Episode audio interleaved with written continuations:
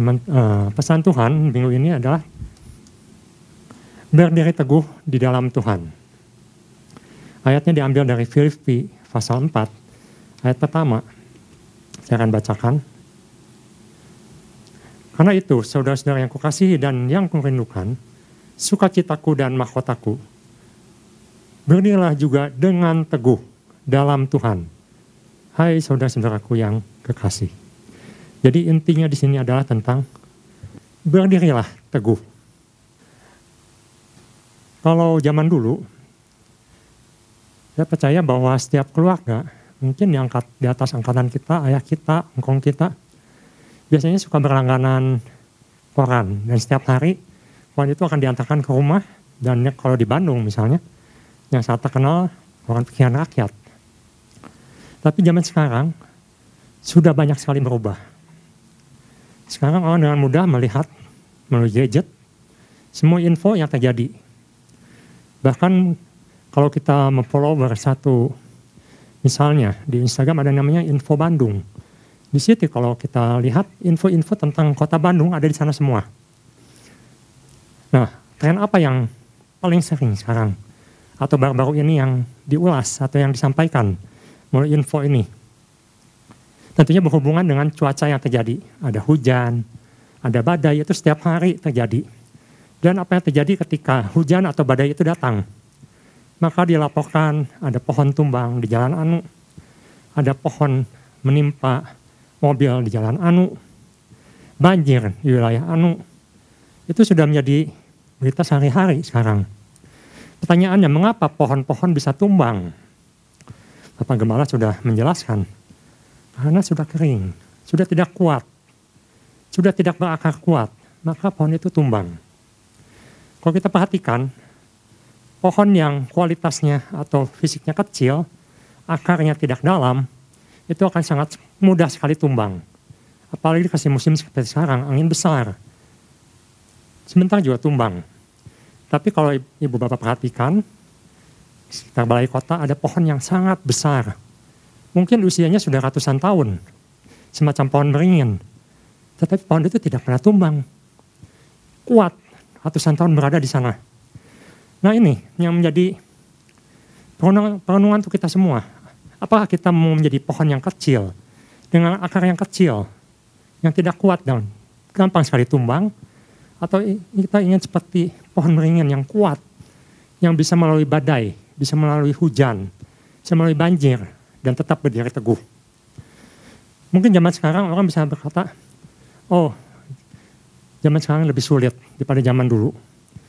Tapi kita perhatikan, dalam kekristenan zaman dulu, sebenarnya mereka dianiaya, dikejar-kejar, dibunuh. Mengapa? Karena mereka ada pengikut Kristus. Tetapi lihat, mereka tetap teguh dalam iman mereka. Mereka tidak mau beralih, mereka tetap percaya pada Kristus. Godaan sekarang berbeda Oh, sekarang lebih banyak godaannya. Dan godaan-godaan itu yang bisa membawa kita jatuh. Membawa kita turun. Sehingga kita tidak teguh lagi dalam Tuhan. Memang luar biasa zaman sekarang ini. Kalau misalnya ada pembatasan ibadah atau PKM, orang masih bisa beribadah di rumah, bisa online. Tetapi, ya saya uh, memang mengerti ada usia-usia tertentu yang masih belum boleh ibadah fisik. Tapi pertanyaannya, kita harus cek apakah ibadah yang kita lakukan secara online itu membawa kita semakin kuat imannya atau jangan-jangan membawa kita turun. Nah ini yang harus kita renungkan pagi hari ini. Yang pertama kita akan lihat di Filipi pasal 4 ayat 2 dan 3. Saya akan bacakan Filipi pasal 4 ayat 2 dan 3. Ayat 2. Laodikia ku nasihati dan Sintike ku nasihati supaya sehati sepikir dalam Tuhan. Ayat yang ketiga. Bahkan ku minta kepadamu juga Sun Sugos, temanku yang setia, tolonglah mereka. Karena mereka telah berjuang dengan aku dalam perkabaran Injil. Bersama-sama dengan Clemens dan kawan-kawan ke sekerja yang lain yang nama-namanya tercantum dalam kitab kehidupan. Yang pertama, saya berjudul Mari memperkuat akar rohani kita. Di sini dikatakan Paulus berpesan kepada dua orang yang disebutkan dengan jelas namanya dan ini tentunya nama seorang atau dua orang wanita. Eudikia dan Sintike. Dan ini dengan sangat jelas disampaikan oleh Paulus kepada dua orang ini. Untuk bersahati, untuk teguh di dalam Tuhan. Mari kita lihat siapakah kedua orang ini. Banyak penafsir mengatakan bahwa Eudikia dan Sintike itu berhubungan dengan pendiri-pendiri gereja di Filipi. Ketika Paulus datang ke Makedonia, kota pertama yang didatangi adalah Filipi. Dan dia di sana tidak menemukan tempat ibadah atau sinagoge, tetapi menemukan beberapa perempuan yang beribadah kepada Tuhan. Dan kemungkinan besar dikatakan inilah ibu-ibu yang menjadi pendiri gereja di Filipi yang bersama-sama dengan Paulus mendirikan di sana jemaat Tuhan. Jadi Kedua ini orang ini kelihatannya seorang uh, dua orang pemimpin dan mereka ada selisih, ada selisih paham. Nah, Paulus katakan, apakah mereka itu masih teguh di dalam Tuhan? Karena perselisihan mereka mungkin bisa mengakibatkan perpecahan gereja. Zaman sekarang orang dengan mudah ada selisih sedikit pecah, ada selisih sedikit pecah. Ini, ini menjadi suatu teguran dari Tuhan buat kita. Apakah fokus kita masih pada Tuhan? atau pada kepentingan diri sendiri atau kepentingan kelompok. Paulus mengatakan di sini, dia meminta tolong kepada Sun Gugos, Sun Sugos, supaya ia mendamaikan mereka. Nah yang menarik di sini, ketika Paulus mengatakan kepada Sun Gugos, temanku yang setia, tolonglah mereka.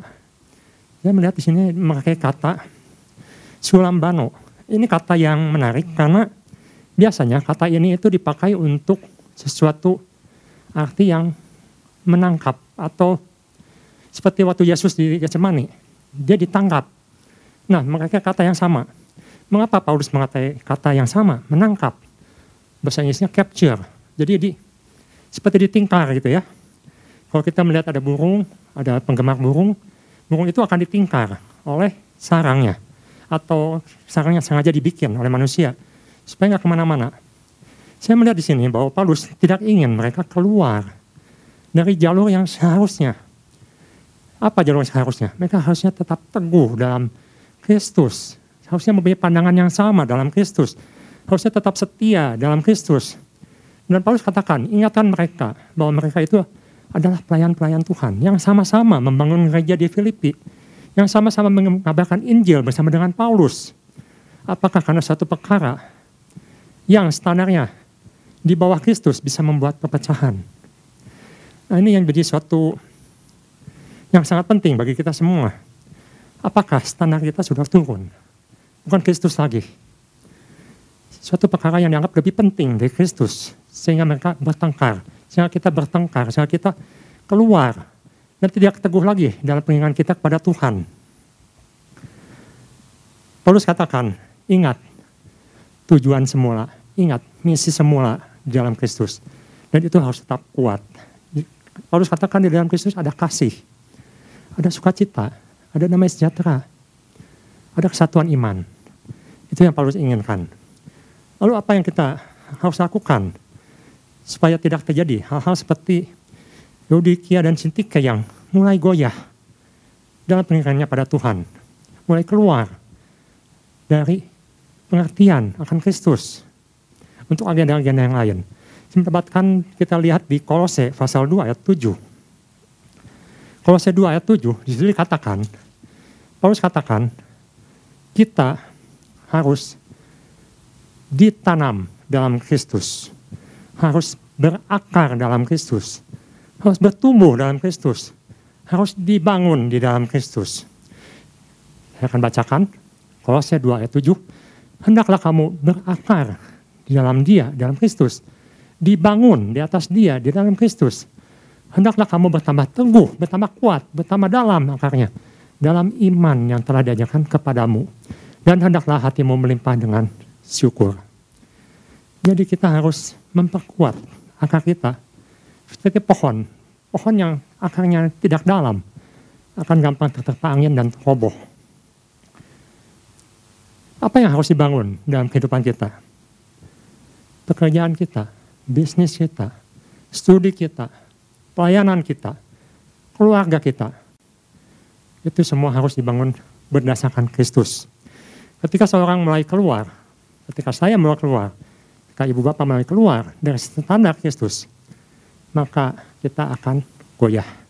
Mengapa akan goyah? Karena kita akan mulai kompromi dengan dunia. Kita akan mulai sama dengan dunia. Bapak Marbun hari hari Rabu sudah katakan, godaan dunia sekarang sangat kuat, sangat hebat. Mungkin tidak mengancam jiwa kita seperti jemaat mula-mula, tetapi godaan-godaan itu akan menarik kita ke bawah, menjauh dari Kristus, dan akan membuat kita goyah dalam pengingat kita pada Kristus. Kita harus mendasarkan hubungan kita, etika kita dengan standar Kristus. Bagaimana cara, cara kita memakai standar Kristus? Dengan merenungkan firman Tuhan, melakukan firman Tuhan, tetap setia dalam setiap apa yang Tuhan ajarkan. Tuhan ingatkan di 1 Korintus pasal 3 ayat 13. Kita akan baca 1 Korintus pasal 3 ayat 13. Di sana dikatakan, mengapa Tuhan sampaikan firman ini atau pesan ini kepada kita semua? Karena suatu hari kita semua akan diuji, akan Tuhan uji. Apakah kita masih teguh, masih kokoh, masih kuat di dalam Tuhan? 1 Korintus pasal 3 13. Sekali kelak, pekerjaan masing-masing orang akan nampak. Karena hari Tuhan akan menyatakannya. Sebab dia akan nampak seperti api dan bagaimana pekerjaan masing-masing orang akan diuji dalam api itu. Semua akan diuji. Pekerjaan kita akan diuji. Iman kita akan diuji. Nanti akan dilihat apakah kita bangun di dalam Kristus atau berdasarkan Kristus. Emas, perak, batu atau mungkin dalam kayu, di atas kayu jerami, pasir, sehingga ketika diuji akan roboh dengan mudah, akan hancur, keluar dari apa yang Tuhan inginkan. Ada seorang hamba Tuhan yang bernama David Wilkerson, ini lebih dari 50 tahun lalu dia sampaikan, dia katakan, godaan-godaan orang percaya di akhir zaman ini mungkin bukan lagi suatu yang sulit seperti Daniaya zaman dahulu, tetapi ada satu zona yang disebut zona kenyamanan. Itu bisa membuat orang Kristen jatuh. Seperti yang tadi sudah sampaikan. Saya melihat orang bisa ibadah online itu luar biasa sekarang ini. Tetapi kita harus dicek. Apakah setelah kita mengikuti ibadah online itu, kita semakin tumbuh imannya atau mulai turun. Sebenarnya kita sendiri akan tahu, kita sendiri akan merasakan apakah kita turun kualitas imannya. Pengiran kita akan Tuhan mulai luntur. Kenapa? Karena kita tidak serius dan ibadah. Ibadah satu yang sangat penting, karena itu kita bersyukur. Kita masih bisa ibadah offline. Online bukan berarti salah, tetapi kita harus cek. Apakah melalui hal seperti yang kemajuan teknologi sekarang ini, iman kita makin kuat atau makin mundur. Itu yang harus kita lakukan kita harus cek apa kita makin teguh di dalam Tuhan atau kita mulai goyah. Mulai banyak hal-hal yang kita kompromikan, mulai banyak hal-hal yang membuat kita mulai malas dalam pengingat kita pada Tuhan. Paulus katakan kita harus kenakan Kristus setiap hari, hari demi hari. Itu yang pertama. Jadi yang pertama kita harus memperkuat kembali akar rohani kita. Karena akar yang tidak kuat akan membuat kita gampang tumbang, gampang jatuh, akan membuat kita goyah. Yang kedua, kita masih memakai ayat yang sama, Filipi 4, pasal 4 ayat 2 dan 3. Saya pakai judul di sini yang kedua. Mari belajar peka dan waspada. Apakah kita masih teguh berdiri? Di Filipi pasal 4 ayat dan ketiga, ada dua orang yang Paulus ingatkan. Dua orang ini masih melayani Tuhan. Masih jadi pemimpin. Tetapi pertanyaannya, apakah Kristus masih nomor satu? Masih yang utama dalam kehidupan mereka?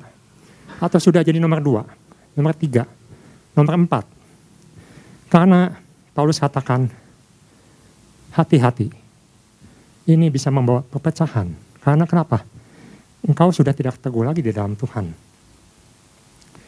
Di 2 Korintus pasal 13 ayat 5, Paulus katakan akan sesuatu. 2 Korintus pasal 13 ayat yang kelima. Saya akan bacakan.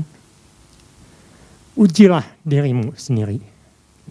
Apakah kamu tetap tegak di dalam iman? Seperti yang tadi sudah disampaikan. Kita cek kembali, iman kita bagaimana? Makin luntur, makin malas ikut Tuhan, makin tidak bergairah tentang hal-hal rohani. Selidikilah dirimu. Apakah kamu tidak yakin akan dirimu bahwa Kristus Yesus ada di dalam diri kamu? Sebab jika tidak demikian, kamu tidak akan tahan uji. Kamu akan goyah, kamu akan jatuh, kamu akan tumbang. Hal yang sama yang Daud katakan, Daud selalu introspeksi diri. Dia selalu belajar peka, dia selalu waspada. Seperti di dalam Mazmur 119, nanti Bapak bisa baca. Daud katakan, ujilah aku. Lihatlah jalanku. Apakah aku sudah serong, Tuhan? Apa sudah menyimpang? Jadi selalu cross recheck dengan firman Tuhan. Apakah diri kita sudah mulai mundur? Sudah mulai menyimpang? Sudah mulai goyah? Sudah mulai kompromi. Karena akan datang waktunya. Kita akan lihat di Matius pasal yang ke-7, pasal 24 sampai 27 di situ Tuhan kembali katakan akan datang masanya, akan datang banjir, akan datang hujan. Dan kita akan lihat kualitas bangunan yang kita bangun. Apakah kita kualitasnya dibangun di atas pasir atau dengan batu yang kuat, batu karang. Kalau kita bangun di atas pasir, maka akan datang banjir, akan datang hujan, akan datang godaan, akan datang kesulitan, akan datang hal-hal yang tidak kita inginkan, dan akan hebat kerusakannya. Karena kenapa? Karena dibangun di atas pasir, di atas dasar yang tidak kuat. Ketika kita mulai, mungkin anggap remeh, sesuatu yang kita anggap, ah, menurut saya oke-oke saja, tidak masalah tapi kita cross check kembali, betul apakah seperti itu? Apa benar seperti itu? Mungkin ada orang yang mulai menegur, mengingatkan. Ada mungkin ada pasangan kita yang mulai mengingatkan, anak kita mengingatkan. Atau orang tua mengingatkan anaknya. Ada teman kita yang mengingatkan bahwa sebenarnya kita sudah mulai mundur. Ada seorang pelatih vokal ketika saya mengikuti kuliah tentang musik, dia katakan kepekaan itu sebenarnya bisa dilatih. Ketika belajar vokal, orang berlatih dengan biasanya dengan iringan keyboard atau piano.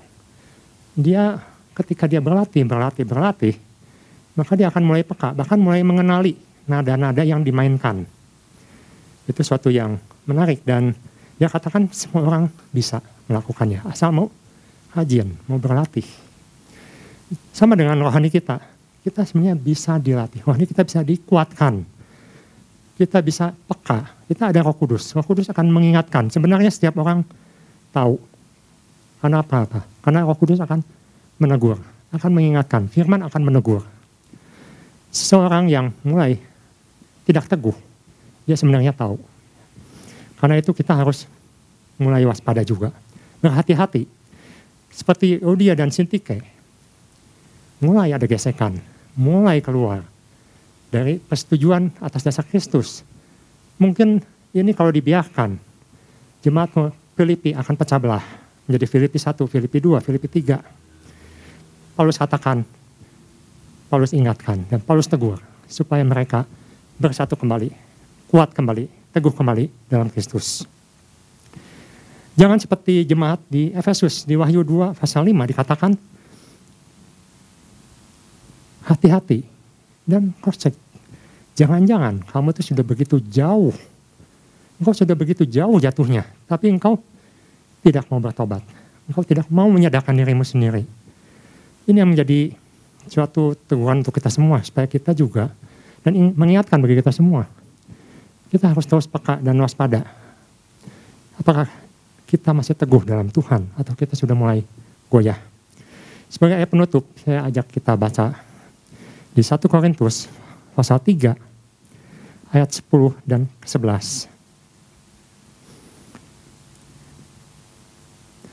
1 Korintus 3 ayat ke-10 dan 11. Ayat 10. Sesuai dengan kasih karunia Allah yang dianugerahkan kepadaku, Aku seorang, sebagai seorang ahli bangunan yang cakap telah meletakkan dasar. Dan orang lain membangun terus di atasnya. Tetapi tiap-tiap orang harus memperhatikan bagaimana ia harus membangun di atasnya. Di sini Paulus katakan dia mengajarkan atau dia menginjili dan orang memakai dasar yang sama. Semua orang Kristen memakai dasar yang sama, yaitu apa? Kristus. Ayat ke-11. Karena tidak ada seorang pun yang dapat meletakkan dasar lain daripada dasar yang telah diletakkan, yaitu Yesus Kristus. Ketika seorang mulai meletakkan dasar yang lain, selain Kristus, bukan Kristus lagi yang utama, tetapi hal-hal lain yang dianggap lebih penting dari Kristus, maka dia sedang menggoyahkan dirinya sendiri. Kita sedang menggoyahkan diri sendiri. Karena itu, biarlah perenungan hari ini, kita harus tetap kuat dalam Kristus, berakar lebih dalam dalam Kristus, dan kita harus peka dan waspada. Biarlah kita menjadi prajurit-prajurit yang tangguh, yang teguh di dalam Tuhan. Sekian firman Tuhan, Tuhan Yesus memberkati.